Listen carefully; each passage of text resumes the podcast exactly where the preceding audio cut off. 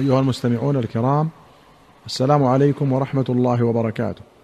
في باب صفة الحج وآدابه أخرج أحمد والدارمي وابن ماجة وأبو داود والترمذي والنسائي وابن خزيمة وابن حبان والطبراني في الكبير والدار قطني والحاكم والبيهقي في السنن بسند صحيح عن عروة بن مضرس الطائي رضي الله عنه قال أتيت رسول الله صلى الله عليه وسلم بالمزدلفة حين أقام الصلاة.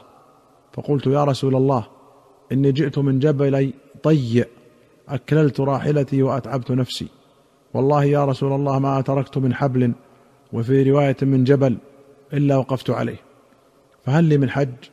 فقال صلى الله عليه وسلم من شهد صلاتنا هذه يعني الصبح يوم النحر ووقف معنا حتى ندفع وفي رواية حتى نفيض وقد وقف بعرفة قبل ذلك ليلا أو نهارا فقد تم حجه وقضى تفثه.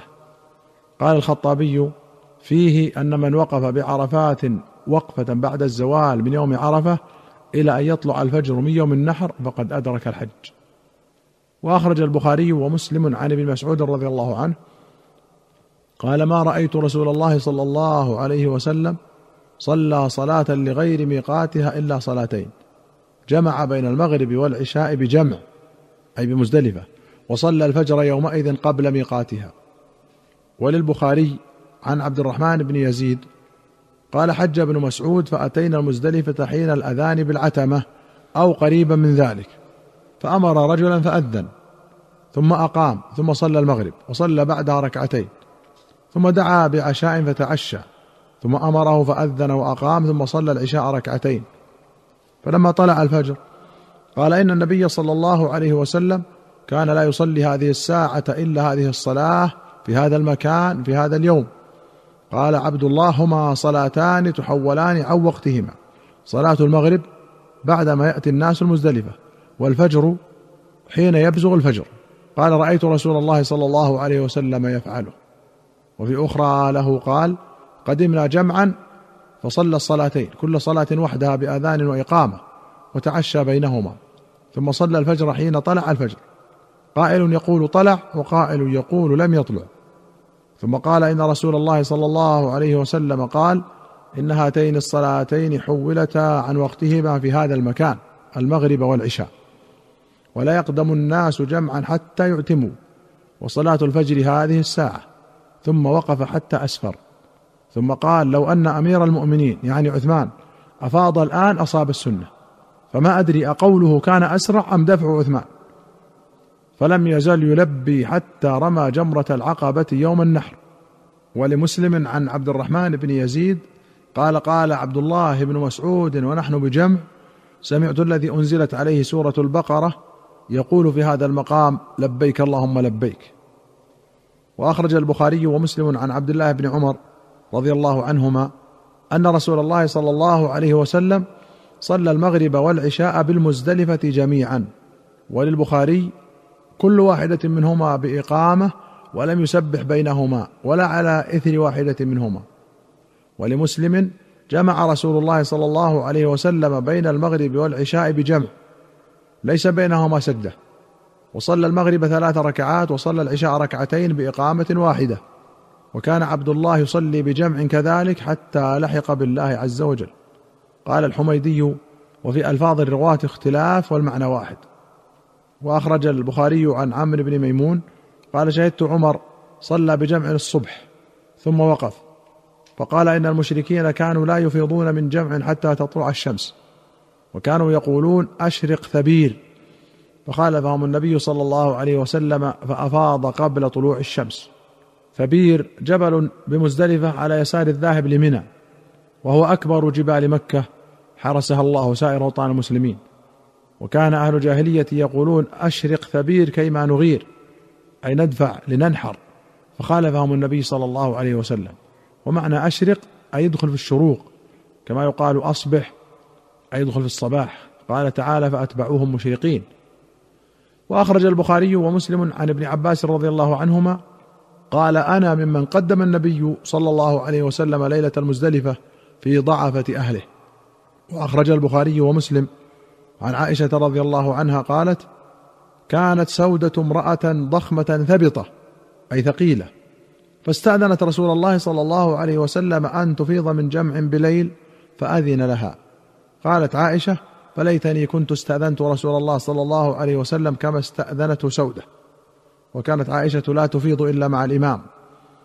وفي رواية قالت وددت أني كنت استأذنت رسول الله صلى الله عليه وسلم كما استأذنته سودة فأصلي الصبح بمنى فأرمي الجمرة قبل أن يأتي الناس.